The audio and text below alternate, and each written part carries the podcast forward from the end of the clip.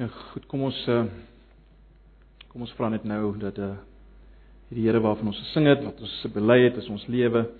Kom ons uh vra nou dat hy met ons sal uh praat deur sy woord en sy gees. Ja Here, ons kom nou na U toe, die een van wie ons gesing het. En ons wil vra dat U nou met ons sal praat deur die woord en die werking van die gees. Ons wil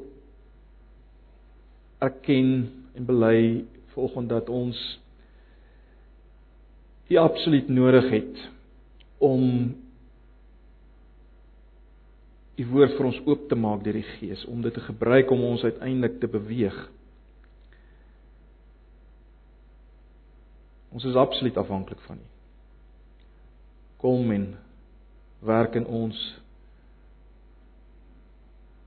verander ons en help ons om U te sien vir wie U werklik is opnuut weer vanoggend. Asseblief Here. Bid vir elkeen wat hier sit met sy of haar stikkindheid emosies swaar kry. Bid dat U genesend ook volgens sal beweeg. Spesifiek vir Tannie Herma wat haar seun verloor het. U vir haar sal bemoedig en sal versterk.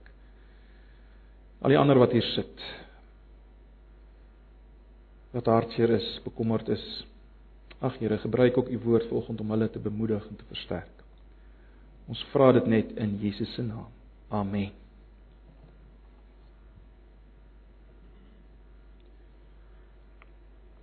Goed, ons lees vanoggend saam uh, vanaf vers 40 van Lukas 8.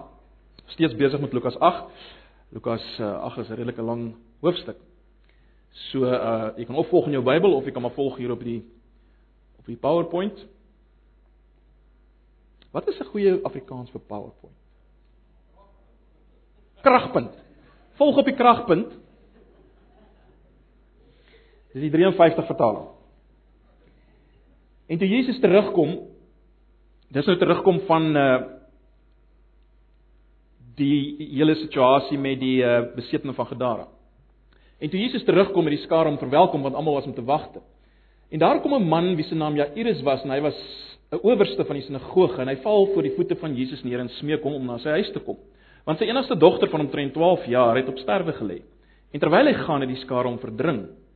En 'n vrou wat 12 jaar lank aan bloedvloeiing gely het en wat haar hele vermoë aan geneesere uitgegee het en deur niemand gesond gemaak kon word nie, het van agter af gekom en die soem van sy kleed aangeraak en haar bloedvloeiing het onmiddellik opgehou. Daarop sê Jesus: "Wie is dit wat my aangeraak het?" En toe almal dit ontken, sê Petrus en die wat by hom was: "Meester, die skare druk en verdring nie en u sê wie is dit wat my aangeraak?" Maar Jesus antwoord: "Iemand het my aangeraak, want ek het gemerk dat krag van my uitgegaan het." En toe die vrou sien dat sy nie verborge gebly het nie, kom sy bewende en val voor hom neer en vertel hom voor die hele volk om watter rede sy hom aangeraak het en hoe sy onmiddellik gesond geword het. En hy sê vir haar: "Hou goeie moed dogter, jou geloof het jou gered. Gaan in vrede." Terwyl hy nog spreek kom daar iemand van die owerste van die sinagoge se huis en sê vir hom: "U dogter is dood, moenie die meester lastigval nie." Maar toe Jesus dit hoor, antwoord hy hom en sê: "Moenie vrees nie, glo net en sy sal gered word." En toe hy in die huis kom het hy niemand toegelaat om in te gaan nie behalwe Petrus en Jakobus en Johannes en die vader en die moeder van die meisie. En almal het gehuil en oor haar rou bedryf, maar hy sê: "Moenie huil nie, sy is nie dood nie, maar slaap." En hulle het hom uitgelag want hulle het geweet dat sy dood was. En toe hy almal na buite uitgejaag het, gryp hy haar hand en roep en uh, roep uit en sê: "Dogtertjie, staan op." En haar gees het teruggekom en sy het onmiddellik opgestaan en hy het beveel dat hulle haar iets te eet moes gee. En haar ouers was verbaas, maar hy het hulle bevel gegee om aan niemand te sê wat gebeur het nie. Nou, broers en susters, julle sal onthou ons het twee Sondae gelede gesien dat ehm um, Markus ons ag eh, Lukas ons daarop wys dat Jesus tydens die geleentheid van die storm op see vir sy disippels vra waar is julle geloof?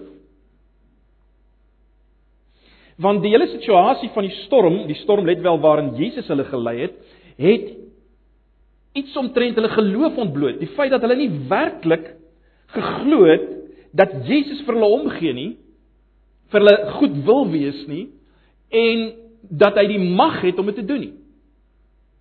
En daarom juis die die openbaring in die storm van Jesus se mag oor die kragte van die natuur en eintlik uh, inherent ook die die bose magte.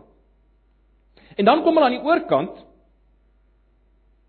die oorkant waarna toe Jesus hulle gevat het en dan openbaar Jesus sy mag oor die duiwel self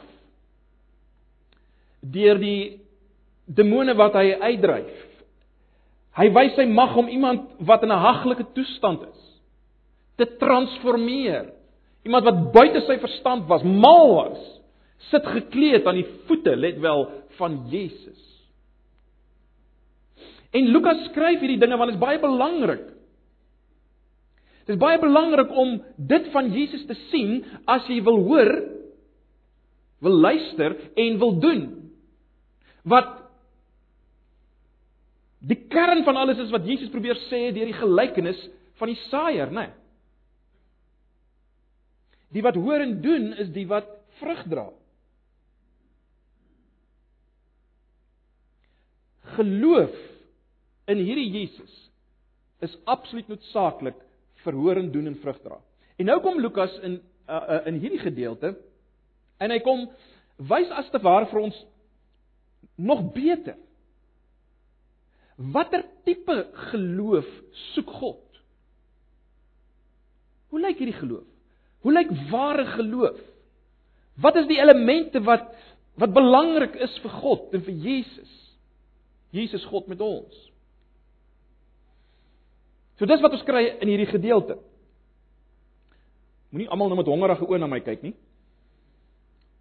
Die toebroodjie verwys na die metode wat Lukas gebruik. Dis 'n metode wat ons al uh, uh, meermale gesien het ook by Markus en selfs uh, by Josua met tyd keer. Hy gebruik 'n metode om vir ons hierdie waarheid beter te belig en ons ons noem dit maar vir 'n tekort aan 'n beter woord die die toebroodjie metode. Jy sou dit seker die hamburger metode ook kon noem. Uh 'n toebroodjie weet julle word eintlik gekenmerk of sy hy kry sy naam vandaan uh of hy kry sy naam van die die inhoud daarvan, nê? Nee, dit wat tussen die twee snye brood is, dit bepaal eintlik wat is die toebroodjie, nê? Nee, dis 'n lyk vir my 'n blaarslaai tomatie, kaas en ham toebroodjie. En dis die metode wat Lukas as te ware gebruik om vir ons hierdie waarheid uit te lig. Dit lyk min of meer so as dit mense dit uiteensit. In vers 40 tot 41 gaan dit oor Jairus se dogtertjie. En dan word dit onderbreek in vers 43 tot 48 waar mens die die vrou kry wat aan bloedvloeiing gely het en in die middel daarvan van daai gedeelte is daar 'n frase wat baie belangrik is waar Jesus vra wie is dit wat my aangeraak het En dan aan die einde in vers 49 tot 56 uh, eindig die gedeelte weer met Jairus se dogtertjie. So dis min of meer hoe, hoe Lukas sy gedeelte uiteensit om vir ons hierdie waarheid ehm um, duidelik te maak. Nou onmiddellik as mens net na die uh, gedeeltes op die oppervlak kyk, sien mens 'n paar ooreenstemmings, né? Nee, beide Die vrou en Jairus se dogtertjie word as dogter aangespreek. By beide is daar en julle sal onthou ek het dit uh, met geel uh, uitgelig. By beide is daar sprake van 12 jaar.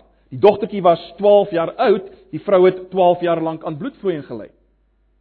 Dis wonder nogal of daar sinspeling is ook op Jesus wat op 12 jaar na die tempel is, maar maar los dit maar eers. Maar hier is hier sprake van 12 jaar. In beide verhale is Jesus se woorde vir die mense vreemd. Ek meen, sy disippels sê van wat Wat bedoel jy almal raak aan jou? Hoe hoe vra jy wie jou aangeraak en as Jesus sê die dogtertjie slaap net, sy's nie dood nie, dan lag hulle weer want hulle sien sy's dood. Uh en in beide gevalle en dis baie belangrik, is Jesus in kontak met iemand wat onrein is. Onrein uh in die gedagtes van die mense van die dag, onrein in die in die samelewing waarin homself bevind het.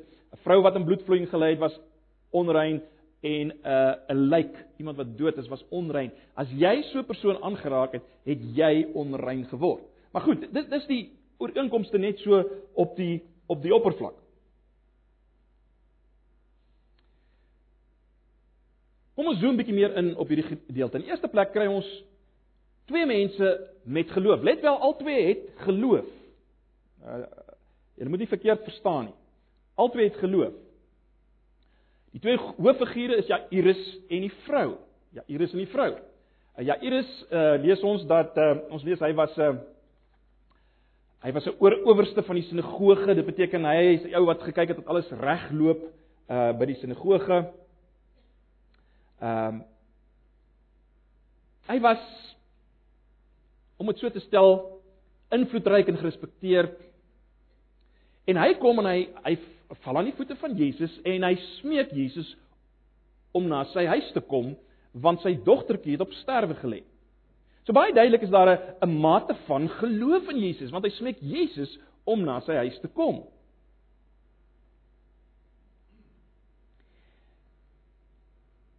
Maar dan gebeur iets baie interessant. Terwyl Jesus besig is om saam met hom te stap, baie interessant, Jesus onmiddellik gee aandag aan hierdie individu. Hy stap saam met hom en mens verstaan natuurlik Jairus se absolute bekommernis, dis sy dogtertjie. Ons almal wat kinders het, verstaan iets daarvan en Jesus stap saam met hom. Uh en dan gebeur daar iets wat wat Jesus vertraag. Uh, Daar's 'n massa mense rondom hulle wat wat wat wat druk en stoot aan hulle en dan dan raak iemand Jesus aan. En dit alles veroorsaak 'n onderbreking. Dit maak dat Jesus nie vinnig kan gaan saam met Jairus nie. Nou 'n mens kan as ware Jairus se frustrasie aanvoel. Ek meen, het jy nie gehoor dis 'n kritiese situasie nie? My dogter lê op sterwe. Ek meen hierdie vrou, uh, sy sal sy lê al 12 jaar lank aan bloedvloei en kan sy nie maar 'n bietjie wag nie.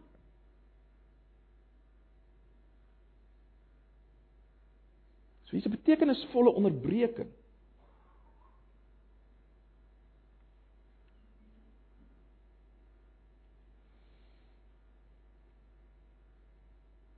En die onderbreking het veral te maak met hierdie vrou wat Jesus aanraak. 'n Vrou wat niks meer oor gehad het. Sy het al haar besittings uitgegee uh aan geneesere want sy lê aan bloedvloeiing al vir 12 jaar lank en niemand kon haar help nie. En sy hoor van Jesus en sy's daar tussen die skare, sy druk haar pad oop en sy raak aan Jesus. Sy raak aan Jesus.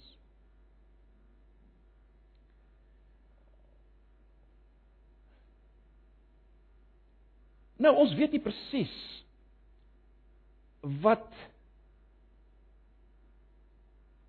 sy omtrent Jesus geweet het nie. Ons weet nie hoe hoe goed haar kennis was omtrent Jesus en wat hy kom doen het en so meer nie. Ons weet nie of daar 'n groot stuk uh amper bygelowigheid by haar was. uh, 'n glo in magic nie. Dat daar iets sou een of ander wonderwerk dat Jesus nou maar net een of ander wonderwerker is wat 'n wonderwerkenaar sou doen. Ons weet dit bloot nie, ons weet nie.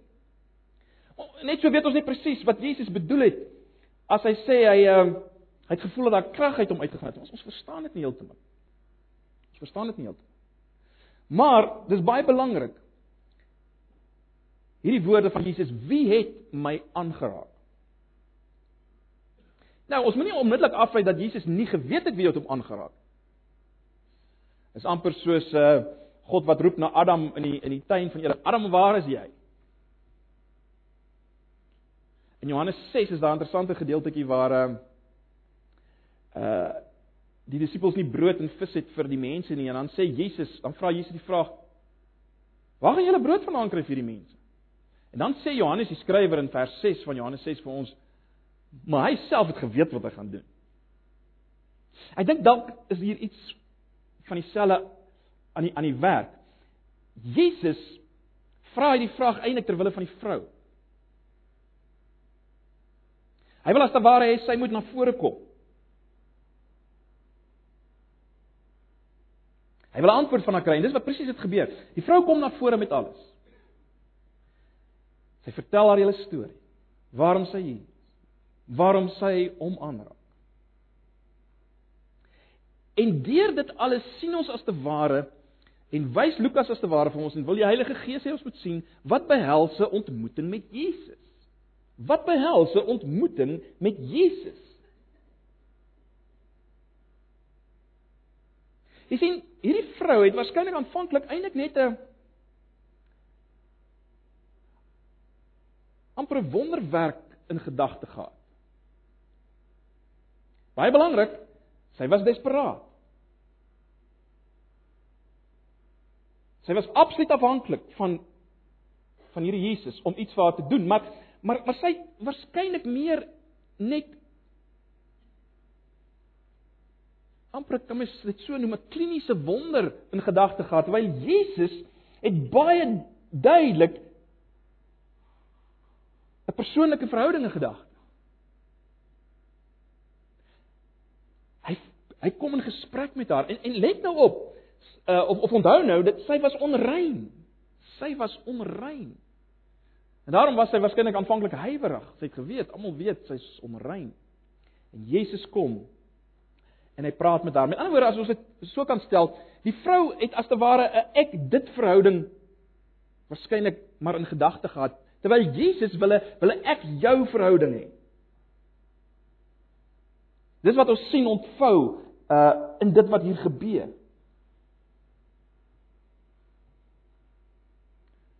So dit is baie belangrik om dit raak te sien. Jesus wil ek jou verhouding hê. Baie belangrik. Vir die vrou sê Jesus, jou geloof het jou gered.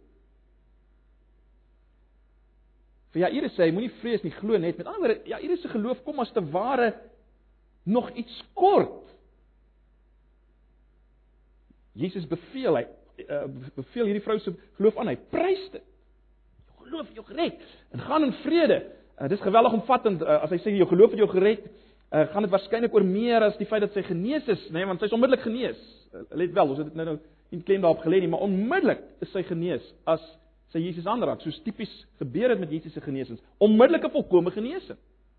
Maar Jesus sê jou geloof het jou gered. Jesus sê jou geloof het jou. Jou geloof het volkomme genesing gebring. Meer as net fisies. En dit word verder bevestig as hy sê gaan in vrede, shalom. Gaan in vrede. So daar's 'n verskil tussen die twee. Albei het geloof. Maar een se geloof word aangeprys en die ander een se geloof kom as te ware iets kort. Dit is baie interessant. So kom ons dink daaroor na. Wat sien ons hier as ons verder dink? Ons sien twee soorte geloof. Let wel, ons albei geloof, maar ons sien as te ware twee soorte geloof. En dit is baie interessant as mens die twee langs mekaar sit. En en kyk wat Lukas hier doen. Jairus het 'n naam, Jairus. Die vrou het geen naam nie. Jairus was belangrik, die vrou was 'n verworpene. Jairus kom namens iemand anders, die dogtertjie. Hierdie vrou kom vir haarself. Hy val neer voor Jesus, sy sluip nader. Hy's wel desperaat, maar hy's ook vrymoedig en volhardend. Sy's desperaat, maar sy's skaam en beangs.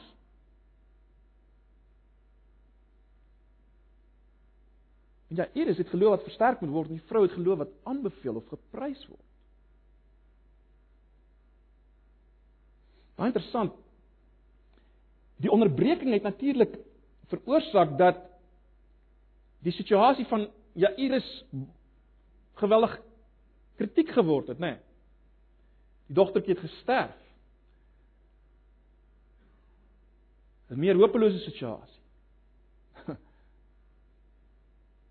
wat meer totale afhanklikheid geveg het van Jairus.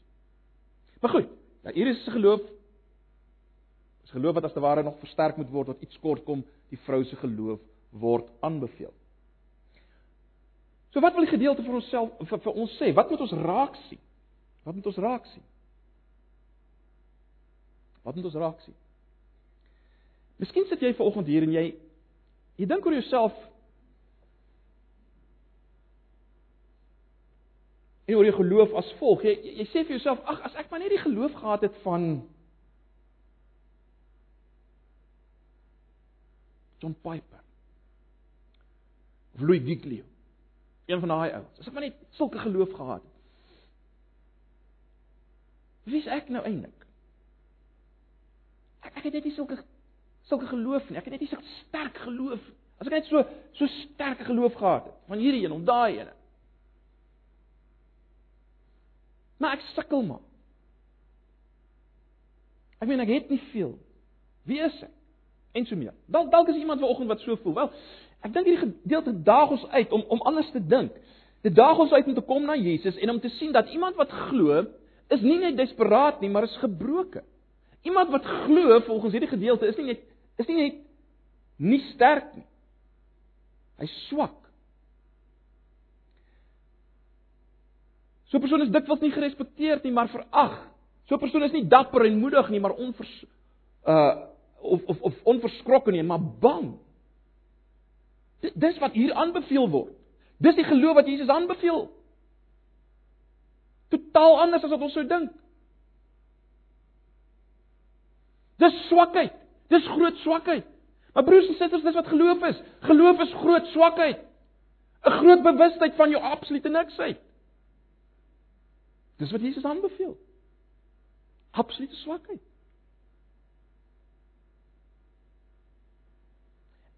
As jy dit nie verstaan van geloof nie, verstaan jy nie geloof nie. As jy nog hoegenaamd dink geloof is 'n soort van 'n kragtoertjie. Sterk geloof is baie interessant. Of groot geloof volgens die Nuwe Testament is juis absolute swakheid. En nou sien dit nie net in hierdie gedeelte nie. Dis 'n hele paar ander gedeeltes wat ons dit ook sien. Hoekom? Want jy sien die belangrike ding in geloof. Hoorie, hoekom skryf jy die ding nie aan nie? Is daar iets fout daar? Dis hy. Die belangrike ding van geloof is die voorwerp van geloof. Die voorwerp van geloof hier is Jesus. Dis baie belangrik. Dis Jesus. Jesus wat self die verworpene was tot aan die kruis. Is hy deur almal verag en verwerp. Maar hy staan op. Hy oorwin die dood. En nou is hy die magtigste een in die heelal. In hierdie gedeelte is of in die gedeeltes wat ons tot nou toe gedoen het, die laaste paar Sondae, sien ons, hy's inderdaad die leeu en die lam. Die lamagtige leeu en die leeuagtige lam van Openbaring 5. Ons sien hom as die leeu as hy die as hy die storm stil maak.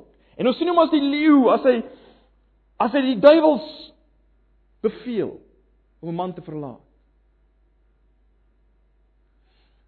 Maar ons sien hom ook as die lam. As hy met 'n hulpelose onrein vrou praat. En uiteindelik as hy hierdie dogtertjie aanraak. So baie belangrik, broers en susters. Die krag lê in die voorwerp. Die een in wie ons glo. Die krag lê nie in jou geloof nie. Geloof is per definisie kragteloos. Dis leegheid. Dis afhanklikheid. Dis leë hande. Watter beeld jy nog wil gebruik? En en Lukas maak dit vir ons nog duideliker. in hierdie gedeelte. Maar baie belangrik, daarmee saam is dit wat uitstaan is die ek jou verhouding van geloof. Dis wat Jesus soek, dis wat God soek. Geloof is met ander woorde nie net iets teoreties, iets abstrakt, iets intellektueel nie. Geloof is absoluut verweef met 'n ek jou verhouding.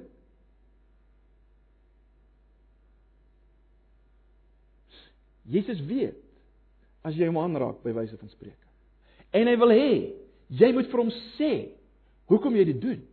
Hy wil hê jy moet sê wie jy is, net soos jy is. En hy wil jou aanraak. En hy wil jou oprig. En hy wil vir jou sê gaan in vrede. En ons moet dit raak sien hierdie gedeelte. Maar miskien sê jy goed by Jakobus, maar wat van die wat van die dogtertjie nou wat lewend geword het uit die dood? Jy dit vergeet. Wel, onthou nou weer die ooreenkomste wat ons aan die begin gesien het. Die ooreenkomste wat ons aan die begin gesien het. Die dogtertjie was 12 jaar oud. Die vrou het 12 jaar aan bloedvloeiing gely. Albei was onrein. Die mense het almal gedink die het gedink Jesus was belaglik om te sê wie het my aangeraak? Die mense het gelag as Jesus sê sy slaap net. By beide is daar 'n aanraking. Beide word aangespreek as dogter. Baie interessant. Jesus sê vir die vrou, "Dogter, jou geloof het jou gered." Jesus sê vir Jairus se dogtertjie, "Dogtertjie, sê vir jou, staan op." Jy sien broers en susters, ek dink wat Lukas wil doen is om as te ware die vrou se geloof en die tipe geloof wat God soek vir ons visueel te wys deur 'n dogtertjie wat dood is en deur Jesus aangeraak word. Hierdie dogtertjie kan niks doen nie. Sy's absoluut afhanklik van Jesus. En Jesus raak haar aan. Sy wat onrein is, 'n dooie, en sy word lewend. Sy word lewend. En en en en dis iets van wat geloof in Jesus is. En is nie vreemd in die res van die Nuwe Testament nie. Dink aan Paulus wat in Efesiërs 2 sê, julle was dood in julle sonde en misdade waarin julle geleef het. Maar God het julle toe julle dood was lewend gemaak. En dan uit genade is julle gered deur die geloof. Julle is dooies wat lewend gemaak is.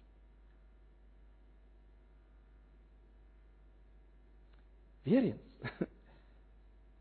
Geloof is net die kanaal. Geloof is net die totale afhanklikheid en dit word as te ware hier voorgestel deur 'n dooie dogtertjie. Wat absoluut afhanklik is van Jesus om haar te genees. Maar goed, met ander woorde, Lukas deur sy deur sy hele samestelling wil die klem laat val op die persoonlike aanraking die absolute afhanklikheid. Die absolute hopeloosheid.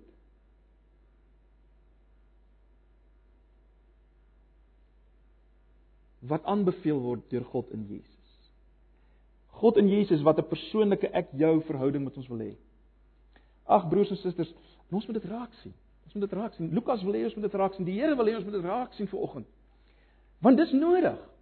Want net as ons dit verstaan, En as ons weer eens sien Jesus se liefde vir die onreines.